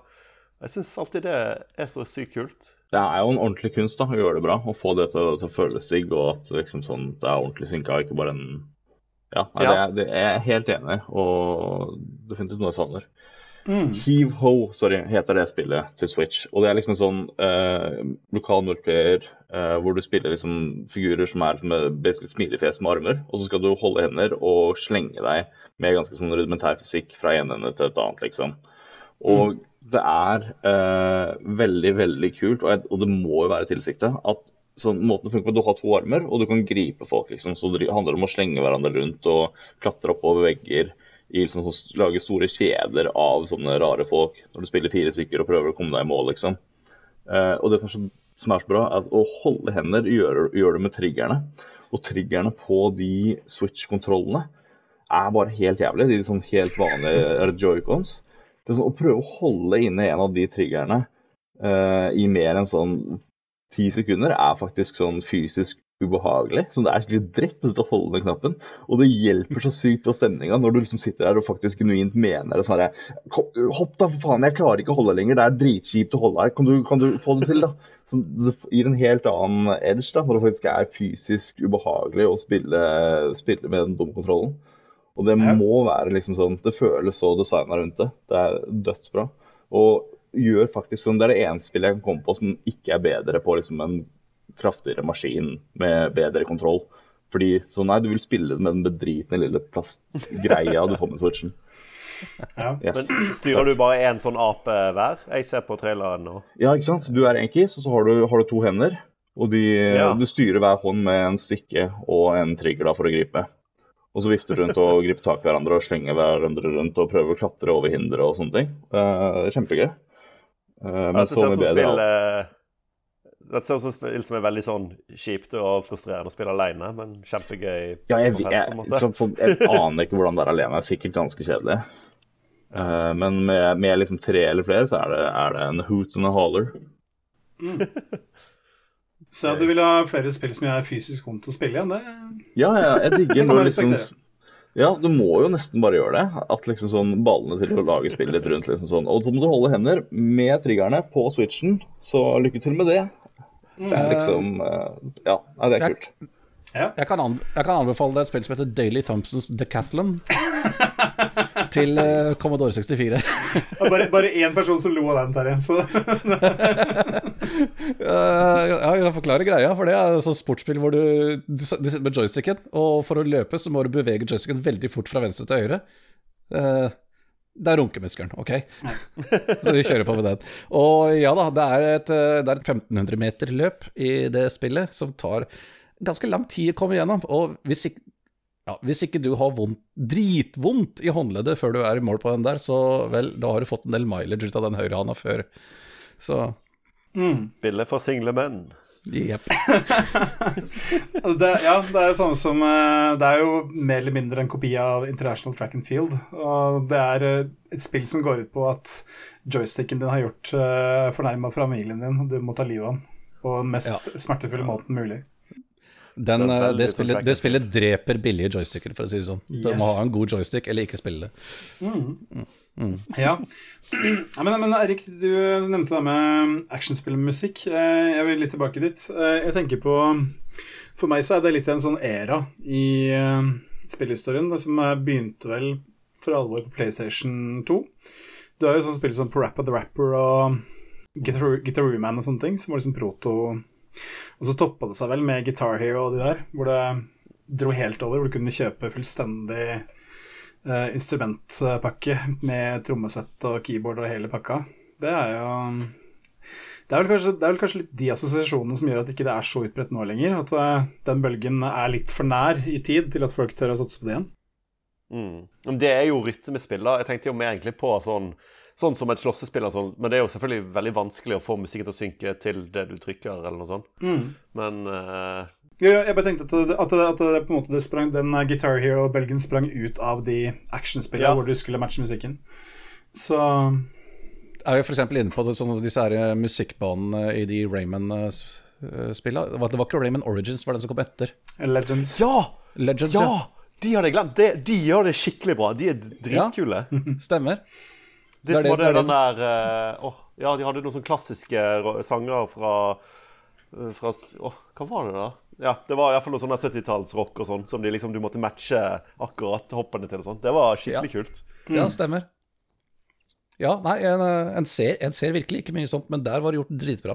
Ja, det, det var akkurat det jeg tenkte på, faktisk. At, Ja. Og der var det jo ikke sånn at du måtte Det var liksom bare at fiendene kom i takt med musikken, så du, du måtte ikke nødvendigvis hoppe. Du kunne hoppe når du ville, eller liksom styre hvor du ville, men hvis du ikke Du døde sannsynligvis da hvis ikke du timet til med musikken. Så Yes. det var sånn lettere å time til musikken enn å time til hva som skjedde på skjermen. Det, syns- Yes, det, det gjorde det veldig kult. Hvis du tima det til musikken, så gikk det bra. Det var det, var det som var greia. Ja. Ja. Men eh, det er jo også noen spill som er i samme kategori nå. da. Det er um, eh, Bullets per Minute, er det et spill som heter, som er forholdsvis nytt, tror jeg. Og så er det et som kommer snart, som heter Metal Health Singer. Eh, men det er vel kanskje mer som rene rytmespill, at du skal skyte til takten med musikken. At det er eh, litt samme greia. Ja, det der eh, Pistol Whip som jeg nevnte tidligere, er jo, er jo framstiller seg jo ikke som et rytmespill, men har jo musikken veldig sånn framme, og hele levelen liksom Ja. pulserer til beaten. Og der får du jo eh, høyere score hvis du matcher det til beaten, da. ja. eh, Skuddene dine. Så den, det spillet syns jeg gjør det veldig bra.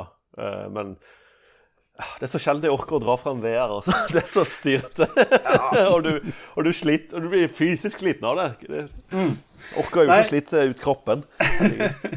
Nei, men, eh, men eh, altså, ja, jeg kan jo si at eh, det her, de to spillene jeg har kastet mest i VR her i huset, det er Beat Saber og det er Pistol Whip. Det er de spillene jeg har brukt mest tid på. Jeg elsker de spillene sjøl. Det syns jeg er helt fantastisk. Men ja, jeg tror jeg skjønner hva du mener. At liksom du ikke er på en måte bare den mekanikken med rytme, men at liksom du får noe mer ut av det. Mm. Og det, er, liksom det å føle seg som du er i ja, John Wick har dratt tidligere, da, Matrix. Sånne filmer som har musikken langt framme. At liksom føler du er sånn er en sånn filmsuperhelt. da, klarer å frambringe den feelingen. Jeg regner med at Terje kan klippe inn litt av liksom John Wick-musikken du snakker om her. i bakgrunnen. Ja, ja. ja, ja, ja. Ja, vi får se om vi gidder. Den er litt copyrighta, så Kan bare bruke, bruke den fra Cyberpunk 2077, vet du. Den derre Den eh, som var Ja, okay. Den må du bruke. Eller så bare setter jeg deg på repeat på det du gjorde nå. Ja. Under Royalty free podcast music. Reenactment. Der har du meg. Nei, men um, introen vår òg. ja, ja. Det blir bare jeg som mimer en eller annen poplåt. Beyoncé, tenker jeg. Ja. Ja, hvorfor Ja. ikke? Nei. Nei, men eh, nå er vi inne på dette med uh, spillmekanikker vi savner litt. Eh, Terje, du har skrevet der med god puzzle design. Jeg er veldig spent på hva du har å komme med der. Eh, egentlig ikke så veldig mye. Altså, jeg nevnte tidligere, jeg liker å spille som Jeg må sitte og bruke de små grå litt. grann. Som, eh, jeg liker spill som ikke er redd for å få deg til å stoppe opp og måtte tenke. Finne løsninger. Altså, Reine puzzlespill er jeg veldig glad i. De eksisterte ganske mange av fra, fra de vanlige store utgiverne fra før i tida, både på 80- og 90-tallet. Og nå om dagen så kommer det også mye fra indie-utviklere. Men Triple A de virker ikke som de helt tør å begi seg ut på det der i, eh, i spillene sine. Men eh, ja, nå kan ikke jeg si Jeg er litt på tynn is her, for jeg kan ikke si så veldig mye om hva Triple A har drevet med de siste fem åra. Men du bare antar det er the up to no good. Vel, Nei, jeg, jeg tror ikke at uh, puzzle design er en stor eh, Nei, altså men hvis, vi, men hvis vi går litt bakover i tid og kikker på Fallout-spillene, på Bioshock og sånne ting når, når du skal liksom, Hver gang du skal gjøre et eller annet, når du skal dirke opp noe, et eller annet sånt, så er det en sånn lite sånn puzzle game du må gjøre. Og det er aldri noe interessant. mm. Det er, altså, det, er, det er liksom kjedelig Første forsøk er kjedelig allerede. Og, du gjøre, og du skal gjøre det 300 ganger i løpet av spillet. Altså i, Det gjør meg ingenting om de kommer på et skikkelig kult puzzle-konsept som du faktisk må bruke litt tid på for å, for å gjøre de tinga der, og som er, som er interessant. Men gjør det, eller gjør ingenting. Bare dropp det. Og jeg har egentlig inntrykk av at i seinere tid så har de vel også mer eller mindre det. Det er ikke så mye av det lenger som det var før. Nei, jeg tror ikke det. Det er um, For altså, når jeg må løse en ny sånn eh, liten sånn mastermind-aktig ordsalat for hver gang jeg skal hacke en datamaskin, så Ja. klikker det for meg, altså. Det er Ja. Vær så snill. Nei, altså, jeg er helt enig med deg. Det, jeg syns det er forbanna kjett. Men um, det jeg tenkte på da jeg leste det du skrev, var at um, jeg testa I sommer så spilte jeg um, Chinatown Detective Agency. Uh, som er Det er jo litt indiespill, for så vidt. Jeg tror det er laga i um, Om det ikke er laga i Kina, så er det vel fra Singapore eller annet sånt. nå. I hvert fall, det er uh, Jeg tenkte at ja, det er sikkert pek og klikk, og det er sikkert moro å bruke en time på. Uh, viste seg faktisk å være et spill hvor du er nødt til å bruke uh, iPaden din eller PC-en eller telefonen eller sånn for å researche litt, for å kunne løse oppgavene. Um, og de er ganske vanskelige. Det er sånn uh, du får For eksempel så skal du eh, Altså Poenget med spillet er at du er jo en detektiv, og du skal jo løse saker. Eh, du kan fly rundt i verden og uh, finne en spor og sånne ting. Og så må du finne ut hvor du skal fly igjen, da. Så et av oppdragene er at du skal uh, Du får noen uh, sjeldne frimerker som du skal returnere til oppholdslandet. Da. Da må du se på ok, hva er det det står på det frimerket. her, Hva slags språk er det? Hvordan er poststempelet? Hvilken by er det fra? liksom? Hvor, skal det løse der? Og det var en kul utfordring. Men problemet er jo det at når du søker litt på dette her uh, på, Google, på, Google, på, Google, Etter hvert så blir treffet du får, det er China Detective Agency Complete Walkthrough.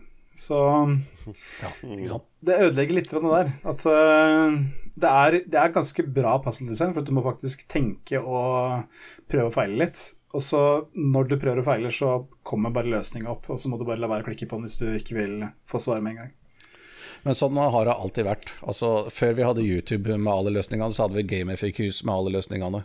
Helt siden Det har eksistert siden slutten av 90-tallet. ikke sant? Ja, ja. Så ja, sitter du dønn fast på noe, så har du alltid kunnet finne løsninger på internett. Ja, ja, ja. hele mekanikken er å google seg fram, google, drive research, så ødelegger det jo litt hvis mm. de første tre treffene er det spillet, da.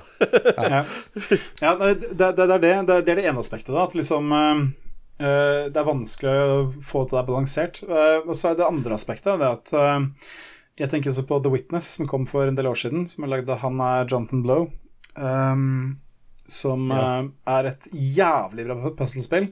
Det er så bra at jeg klarer nesten ikke å spille det. det er dritvanskelig. Um, men det er sånn uh, Det er jo et spill som er ganske massivt. Du må liksom bruke mange timer på å bare skjønne hva du skal gjøre, og sånne ting. Og så må du løse alle oppgavene, og så må du utforske og masse greier. Um, men det er et spill som tok årevis å lage, ikke sant. Så det er mye Du må legge mye i det, du må nesten gå all in, tenker jeg da. Så det er, det er, vel det som gjør at uh, trippel A og mange skygger litt unna, for at de vet at det, dette er mest sannsynlig ikke verdt det. Jeg skjønner greia, for uh, altså, veldig mange spillere blir frust bare frustrerte og, og, sånne ting, og vil skippe forbi det så fort som mulig. Og Triple A vil, vil at så mange som mulig skal spille det, så klart. Mm. De vil jo ikke at folk skal slå av, så jeg, så jeg ser, det, ser, den. Problemet mitt er at de har inkludert disse puzzle-mekanikkene for å ha noe der i det hele tatt. Mm. Bare mm. ha som en slags liten utfordring. Og utfordringa er jo ikke der i det hele tatt. Mm. Det, er altså, det, det, er ikke engang en eh, ny, original idé som regel det kommer med, det er bare en variasjon på gamle eh, som, som ja. har eksistert. Ja, det er liksom en sånn høflighetsgreie, en sånn nod, en sånn løfte på hatten til tradisjonen av å gjøre dette ordentlig.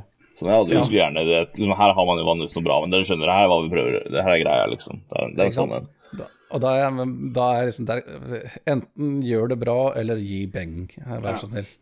Nei, ja. Og jeg, jeg, jeg, er heller den som vil at uh, det, jeg, jeg, skulle ønske de kunne gjøre det bra, men jeg forstår hvorfor de ikke kan det. Ja. Det, det, var det, som var, det er det som egentlig var hele poenget i, uh, i innspillet mitt. Mm. Ja. Nei, altså jeg, har jo en sånn greie, en sånn liten hangup uh, personlig. Det er um, sånne sliding tile puzzles, hvor du skal ja. dytte på klosser og så få klossen ut, eller bare få riktig bilde. Jeg hater det med lidenskap. Det var så mange sånne adventure-spill som hadde det. Alle Tom, Tomb Raider og God of War og sånne ting. Alle mm. den type spill hadde sånne så mye sånne puzzles en periode. ja, det er forbanna Alle var helt like. mm. Altså, ja, ikke sant. Altså, det er som du sier, altså, det hadde en gang vært interessant, men det er ikke det. Mm. Sliding Tile Puzzles er bare dritkjedelig. Det er ingen som liker det. Nei, nå må vi snakke om noe annet før jeg blir eh, sur her. ja, jeg kan si en, en, en opptur. Når du, du nevnte The Witness Fy søren, første gang i The Witness når du så de der strekene in world det er sånn top ten gaming moment, altså. Fy søren. Ja. Skal legge inn spoiler warning der, folkens. Nei, altså, det, Å spoile The Witness i 2022, det er lov. Men eh, ja, jeg, jeg, jeg, tenk, jeg tenkte faktisk å ikke nevne det, men ja, fy fader, den, den følelsen hans, Det er bare sånn ja. da, da, da, føler du deg som kongen av verden altså, når du klarer å se dette her. Fy søren. Nei, det Ja. Hvis, hvis, man er glad i puzzles og ikke har spilt The Witness, hva er det du driver med? Ikke, ikke gjør ferdig podkasten, bare spill The Witness. ok? Ja, det er et godt poeng. Jeg fikk lyst til å spille på nytt. Jeg spilte det aldri helt ferdig. Jeg spilte til credits, men jeg spilte aldri det der helt til slutten. Nei, det er samme her. Jeg kom til credits, men ikke helt ferdig. Det, det, Nei, altså, som jeg sier, jeg, jeg er glad i puslespill, men det, det er ikke veldig mange av de jeg klarer å komme helt igjennom. Altså. nei. Nei. nei. Ta en liten sånn puzzle-anbefaling til på tampen. Det er Hvis man har en 3DS før den eh, blir stengt av for godt, så kan du laste ned et spill som heter Full Blocks, tror jeg det heter. Eh, altså Ja. Ja. Det er eh, ikke sliding tile, men det er, kommer faretruende nære. Men det er mye bedre enn det. Det er eh, Der har du Du skal flytte på klosser, men du skal også komme klatre opp de klossene og komme til mål. Og det spillet er konge på alle måter. Jeg elsker det. Det er bra musikk også. Spill det. Mm. Det var kos. Det kom en versjon, eller en oppfølger til Wii U og gjorde ikke det? Eh, for- jo da, det var, det var Jo da, det var um, pull blocks, og så var det um, en til, og så var det full blocks som på en måte kombinerte alle sammen. Det kom ut både på Wii U og 3DS, tror jeg. Men Wii U er det ingen som har. Bare Ja, jeg. nei, jeg spilte bare den aller første, men Ja. jeg husker jeg koste meg veldig med den. Ja, det er kjempebra. Yes, eh, det jeg har ført opp på undervurdert eh, spillmekanikk, det er eh, noe jeg har savna litt. og Det kom av en litt sånn uventa opplevelse. For at for noen uker siden så kjeda jeg meg, og så tenkte jeg at uh, Ja, jeg leser på Eurogamer, og da leser jeg at det er De har en sånn spalte som heter State of the Game, hvor de da tar opp sånne spill som er litt sånn live service-aktig, som Hvordan er det nå, egentlig? Hvordan er ståa i spillet? Og det er jo litt interessant å lese. Kan se hvorfor Apex Legends er så dårlig, annet. Men uh, i det, det tilfellet jeg leste, så var det at uh, Ape, um, Ikke Apex, men uh, Genshin Impact, at det faktisk var jævlig bra. Så tenkte jeg å, jøss, det er første gang jeg har hørt. Eh, men jeg leste artikkelen, og han som spilte, han sa at jeg hadde ikke nok eh, gode ord å si om det. For nei, det var eh, Breath of the Wild, bare at her har du anime-kjør og god historie og masse ting å låse opp og masse greier du kan finne på. Kjempekos, bare å kaste seg på. Så tenkte jeg, jeg får gjøre det, da. Spille Genshin Impact. Jeg hadde jo spilt det en gang før, og jeg gadd ikke spille noe særlig. Så jeg, da jeg starta å spille opp igjen, så fikk jeg sånn der ah, Welcome back, here's a welcome back with uh, 10 billion uh, supercoins and shit. Og så åpner jeg de 10 milliardene med supercoins, og så var det sånn dere svar på denne uh, formsen her, så får du 10 000 til, og det svepen her så får du en voucher og noe sånt. Så er jeg ferdig med det. Og så er jeg inne i spillet. Uh, og Genshin Impact, det er skikkelig dritt, altså. Det er sånn eh, Du har Hvis du tenker deg Det er en sånn anime-trope som er en sånn Sånn derre Du vet, sånn der magical uh, witch baby, som er sånn uh, En ung jente som da egentlig er sånn 3000 år gammel og en heks og kan ødelegge verden og sånne ting. En Men sånn har ser, den ut som hun er 3000 år gammel? Selvfølgelig ikke. Ser ut som hun er fem år gammel. Men, uh, en, og en sånn karakter har du med deg hele tida i Genshin Impact. Som er sånn Oh, you have to come here. You have to go over here now. Come on. Why would you leave me behind? Ah, come on. Og det er sånn ah! Det Åh, høres ut som hun er 3000 år gammel, altså. Nei, det er som babystemme, da. Det er, det er min impression av en 3000 år gammel heks som egentlig ser ut som femåring. Uh, og så snakker, altså snakker om seg sjøl i tredjeperson. Det, det, det er ikke til å holde ut, altså. Det er så dårlig. Så jeg ble bare sint av å spille det. Men jeg tenkte ok, nå skal jeg se på alt det gode og fantastiske som kommer etter hvert. Og så spilte jeg ferdig første tutorial beat, og så kom jeg til første sånn ordentlige instance-greie, da.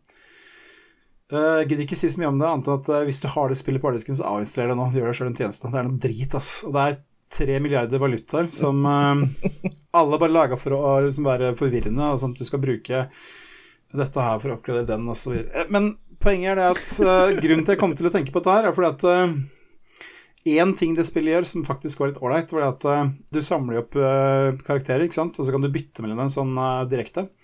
Sånn at du kan starte med din fire mage som bare skyter sånn ildmagi, og så kan du gå nærmere på med melee med isvåpen, og så får du double bonus damage for at du brukte to elementer og så videre. Så uh, Og det er det egentlig. Det er, uh, det er ikke noe mer enn det. Men, uh, men jeg tenkte på det. Det er en greie som har vært før, at man har forskjellige karakterer med forskjellige egenskaper som kan kombineres og brukes på ulike måter som jeg savner litt. Da tenkte jeg på um, Lost Vikings, som nå er uh, 500 år gammelt, men um, som jeg husker var skikkelig kult. Hvor du liksom måtte tenke litt. Og det, var, altså det var et action-plattformspill uh, hvor du hadde tre forskjellige vikinger er med Blizzard utviklede Ja, det var jo ikke Blizzard engang. Det var jo Silicon and Synapse, som var uh, det tidlige navnet på Blizzard, var det ikke det? Så um, Det er gammelt vi snakker om her, men eh, det var en kul greie hvor det liksom var mye Det var bra plattform-action, men det var også mye puzzling. Og så uh, Frozen Bite har en serie som heter Trine, hvor du har tre helt ulike karakterer som, har, som du kan bytte mellom hele tida og gjøre forskjellige ting. Og det, det er Det savner jeg veldig. Det, den serien har jeg ikke spilt på mange år, men eh, det er, mange, det er veldig kule spill. Hvor du kan liksom trylle fram ting og bruke som plattformer, eller du kan eh, eh, bruke sverd og øks og pil og bue for å bekjempe fiender og sånne ting. Så det er, uh, syns jeg er veldig kult. Det må jeg egentlig finne fram igjen. Så, men det skulle jeg ønske meg at det var litt mer av.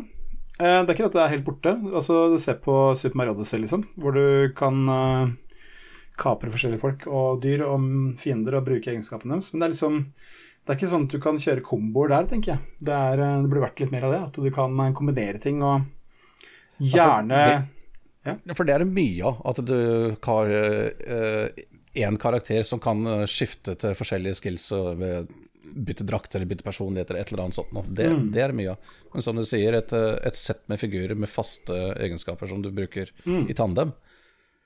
Ja, nei, det, det Jeg har lyst til å tro at det eh, eksisterer mer enn The Lost Vikings og Trine, ja. men, men hjernen min vil ikke.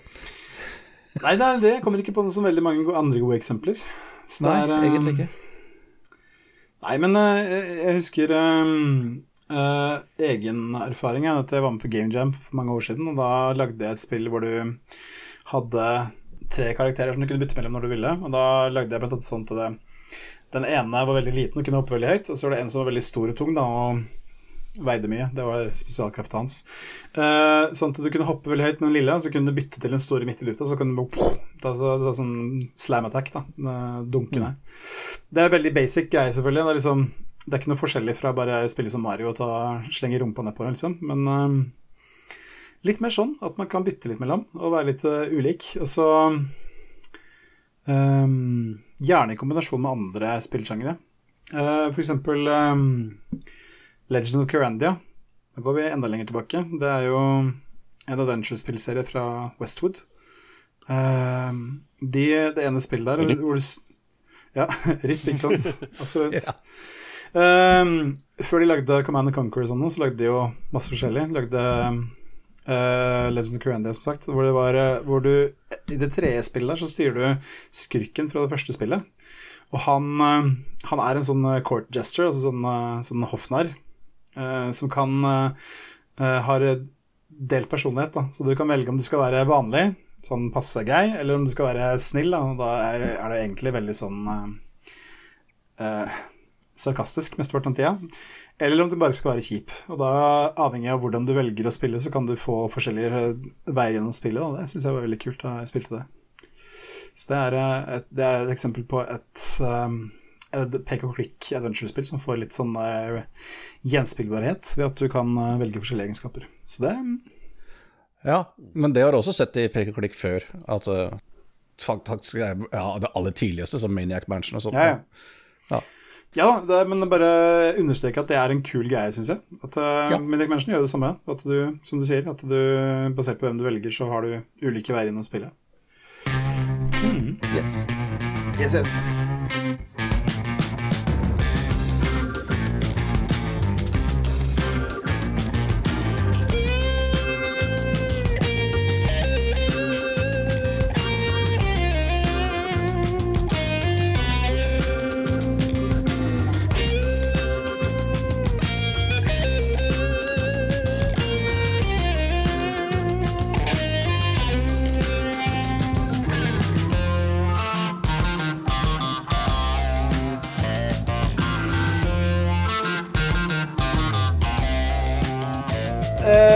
Siste, nest siste post på programmet det er jo at vi skal anbefale ting som ikke er spill. Uh, og da tenkte jeg at jeg, jeg begynner igjen, for at jeg er så lei av ikke begynne. Min anbefaling er kort og grei. Det er, det er jo uh, Fantasy er i vinden igjen. Vi har uh, Game of Thrones og Ringenes herre ute på strømmetjenester. Så jeg vil anbefale en kul fantasy-tegneserie som driver og blir utgitt. Ettersom jeg har skjønt det, så er den ikke ferdig ennå. Um, det er en serie som heter Headlopper det er um, uh, Det starter som en sånn Konan-pastisj. hvor du har eh, den tause, allmektige svartesvingeren som eh, kapper av huer eh, til venstre og høyre. Eh, altså Etter hvert så blir det litt mer sånn dypere law, og det blir mer humor og sånne ting. Eh, og det er mange ting som er med som bare er dritfestlige. Så eh, Altså, det er mye, mye, mye blod og vold og sånn òg. Det, det er ikke så mye pupper og sånne ting, det er det ikke, men eh, det er mye humor og gladvold. Uh, og litt sånn derre illevarslende uh, demoner og skumle forbannelser og sånne ting. Så den gir ganske mye, og det er litt feels òg, så er Den er fin. Så for eksempel så er det en sekvens som er morsom, hvor de heltene de skal eh, ha blitt med en som de ikke stoler helt på, og så skal de løse et oppdrag. Og så driver de og planlegger, da, sånn hvisker liksom seg imellom. At ja, det kommer fram, så må passe på at ikke vi gjør sånn, og så må du gjøre sånn. Og så, ja, og så passer de på at de kan høre etter, da. Og så sier til slutt så sier han bare Åh, kan dere kutte ut Jeg har hørt alt dere har sagt, bare. Ja, jeg sa jo det, han har så store ører, så han hører alt, sier jeg. ennå. Det er ikke de jævla ørene, det er bare det idioter snakker så forbanna høyt. Det er liksom Så det er um, eksempel da, på humoren. Den syns jeg er morsom. Og det syns dere var passe morsom, så det er bra. Ja, det hørtes interessant ut. Og, Nei, men og Konan Conan er en guilty pleasure, for det var liksom den første vo voksen i anførselstegn eh, tegneserien jeg, jeg leste som guttunge. Ja. Så Nei, men da anbefaler jeg Headlopper. Den er eh, eh, ja, veldig kul, og den er ekstremt bra tegna. Det er eh, litt sånn Mike Mignola-tegnestil, uten at det er eh, noe snakk om noe kopiering eller sånn. Eh, Mike Mignola er han som har tegna av eh, Hellboy, for de som kjenner den. Uh, men veldig sånn særegen, kul, uh, moderne tegnestil, vil jeg si. Det er ikke realistisk i det hele tatt, men det er veldig sånn eh, eh, Han har stålkontroll på perspektiv og eh, detaljer og sånn òg, så det er eh, den eh, Ja, en fest for øyet og for hodet. Yes. Jeg hopper over Eirik, for at det skal du få si litt om til slutt. Um, Terje, du anbefaler også litt av en serie? ja, jeg gjør det. Eller det vil si, som du sa, det har kommet nye eh, TV-serier ut eh, i det siste. Altså Game of Thrones og Ringenes herre-opplegget der sånn. Eh, drit i det. For en måned siden så kom det ut en, også en ny TV-serie som heter eh, Sandman. Og det er basert på en eh, klassisk eh, tegneserie fra 90-tallet, som er eh, også blant de tidligste liksom, voksenseriene jeg, leste. Og det er en forfatter som heter Neil Gaiman, som veldig mange kjenner til. Skriver ganske særegent, men Mm. en, en, en veldig særegen form for fantasy. Mm. Og, eh, og Sandman er rett og slett det, da. En veldig uh, mørk historie om uh, vel, uh, aspektet av drøm, for å si det. Dette, dette, er, dette er ikke veldig lett å beskrive, egentlig. Nei, Vi snakker ikke, vi snakker ikke om Jon Blund her. Nei, men men det, det, er ikke, det er ikke samme Sandman som uh, er i Marvel-universet, sant? Det er, nei. Nei, nei, nei. nei. Det, er- det har jeg trodd det var tidligere. Ok, men det er ikke Ja, okay. Nei, nei, nei. Dette er eh, Sandman som liksom er uh, Ole Lokke, Jon Blund, liksom. Ja. Drøm. Ikke sant? Men uh, han er bare én av syv sånne evige, som er aspekter på diverse ting, som er liksom f- det som får hele universet til å fungere. Og det at eh, drømmer eksisterer, ting drømmer, det viser seg å være ganske dritviktig for at eh, ting i det hele skal gå rundt. Altså, it makes sense Ja. når, når, du, når du leser om det. Jeg forklarer det sikkert forferdelig dårlig, men eh, Nei men altså, jeg skjønte at uh, Sandman er vanskelig å forklare. Jeg, jeg skal ærlig, være ærlig og si at jeg, jeg elsker tegneserier, men jeg har aldri lest Sandman. Så det må jeg prøve å få gjort noe med. Jeg husker husker den jo som en sånn en av de der de liksom sånn store bra du hørte om da jeg Mm. sist skal bry meg om tegneserier i sånn 07 eller whatever. At det var et av de Yes. store Og den, den er ikke dritlang. Altså, den, den, eh, det kom, den kom jo ut i bladform, og det kom 75 blader. Det var det. Var det. Dette er samla i ti sånne paper, paperbacks-bøker. Uh, Så det, Så det, det går relativt fort å, le, å lese den, egentlig. Og ja, den, den tar for seg veldig mørke temaer, og veldig annerledes temaer. Og Akkurat som denne podkasten. Ja, ikke sant? Og en artig sak at uh, hovedpersonen sjøl, Sandman, han er ofte ikke hovedpersonen i historien som blir fortalt. Han er nesten bare en sidekarakter. Og det- Ja, den, den, den må nesten bare oppleves. Ja. Og, Jeg føler den og Watchmen er liksom de, de jeg alltid liksom hører om sånn voksentegneserier du må lese. Mm. ja, Ja, ja. ja, Watch, Watchmen også er uh, viktig lesing. Ja. det må man bare si. Watchmen har jeg Men, lest. eh, Men uh, en kan godt gå rett på den TV-serien som kommer på Netflix uh, for en måneds tid siden. For den, eh, den gjenforteller de to første bøkene av tegneserien egentlig veldig bra. De gjør visse nødvendige endringer.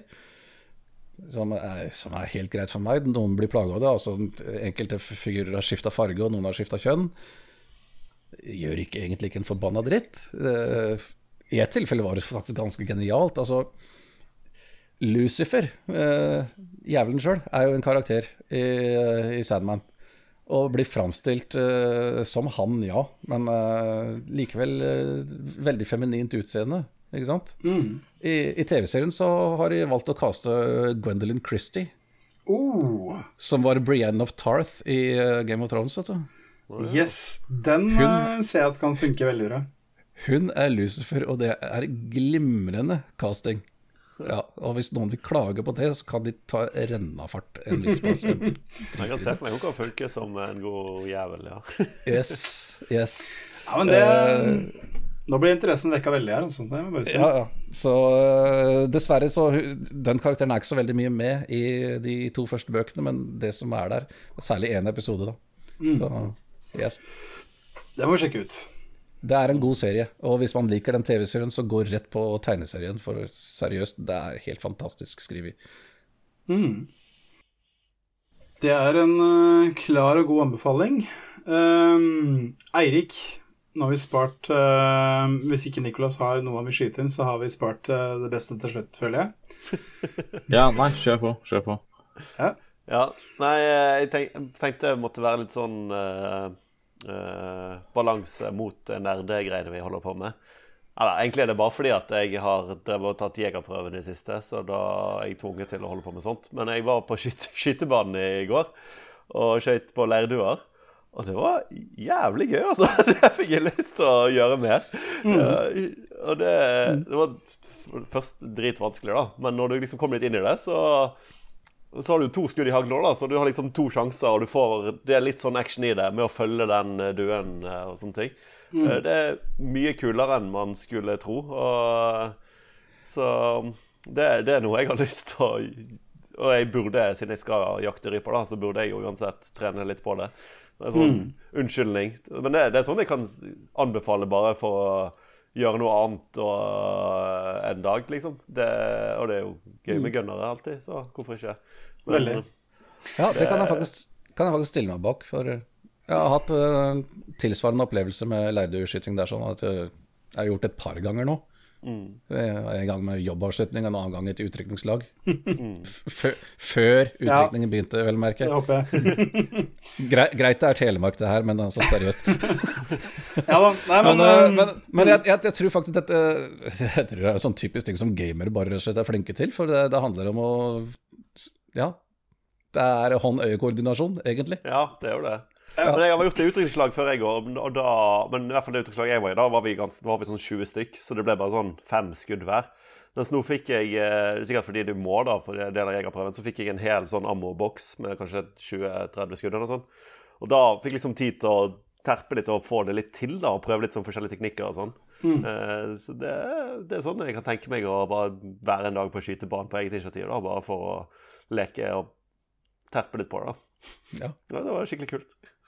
Absolutt. Jeg husker, husker han ene som var det, med i det utrykningslaget, han eh, klikka helt på det. Og det første han gjorde dagen etterpå, var å sitte på nettet og kikke på hagler og, og, sånne ting. Ja.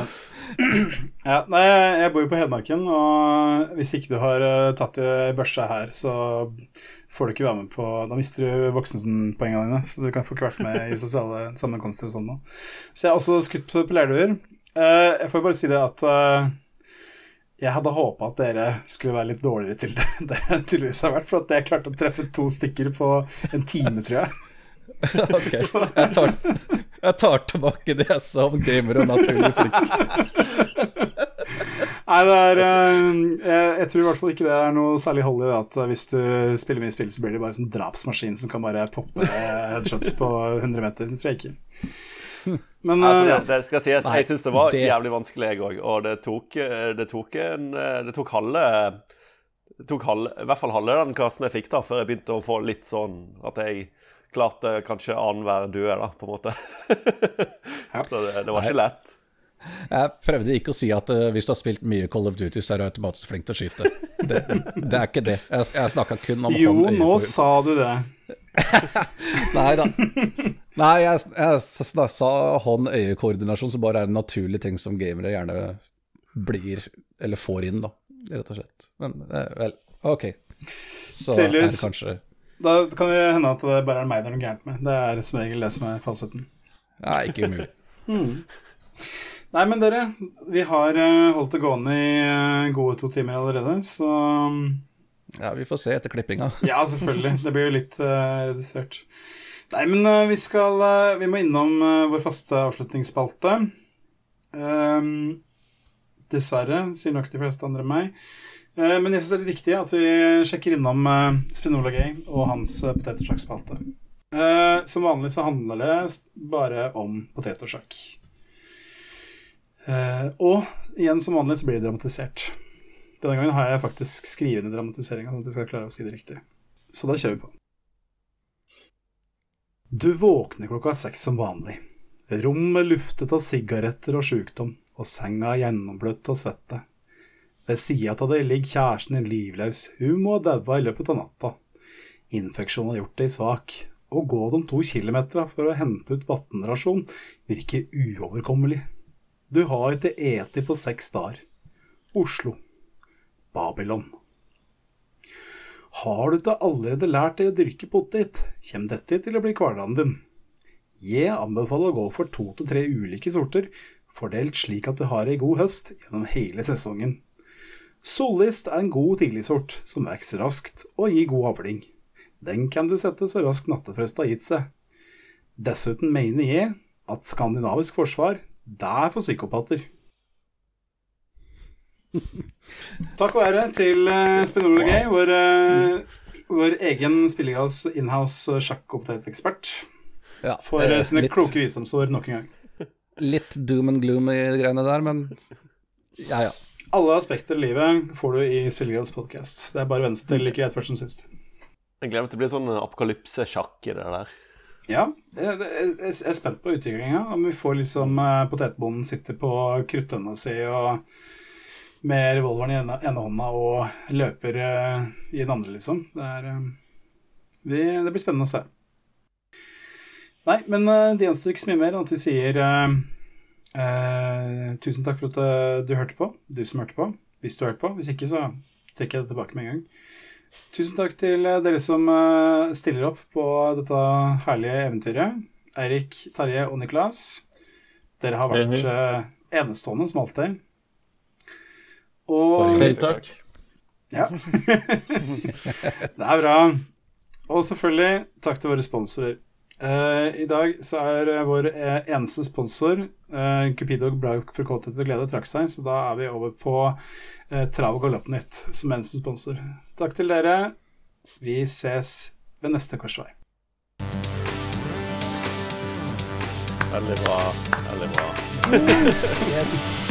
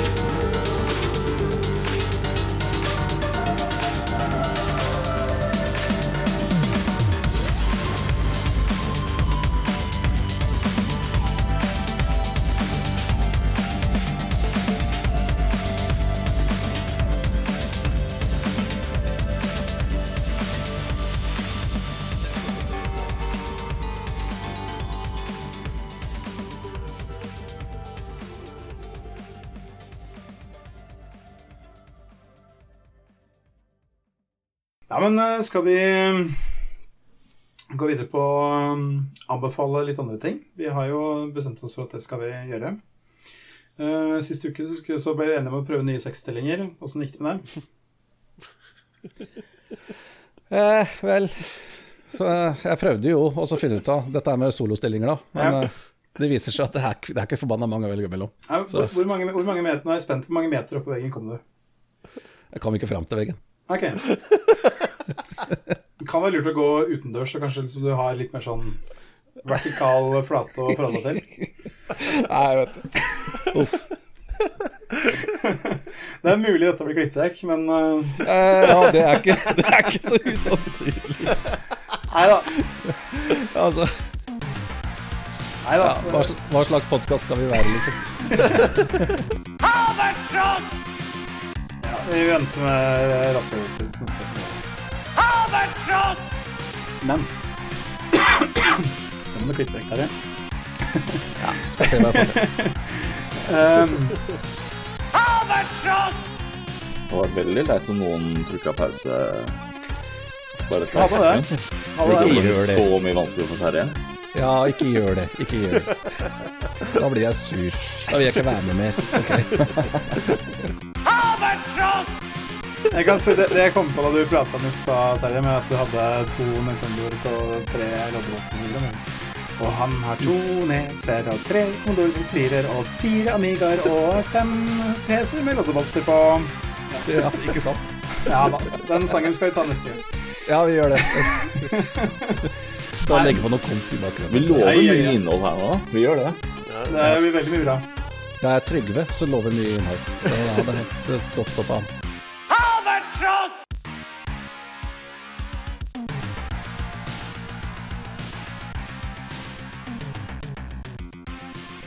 Men det går bra, det her, da?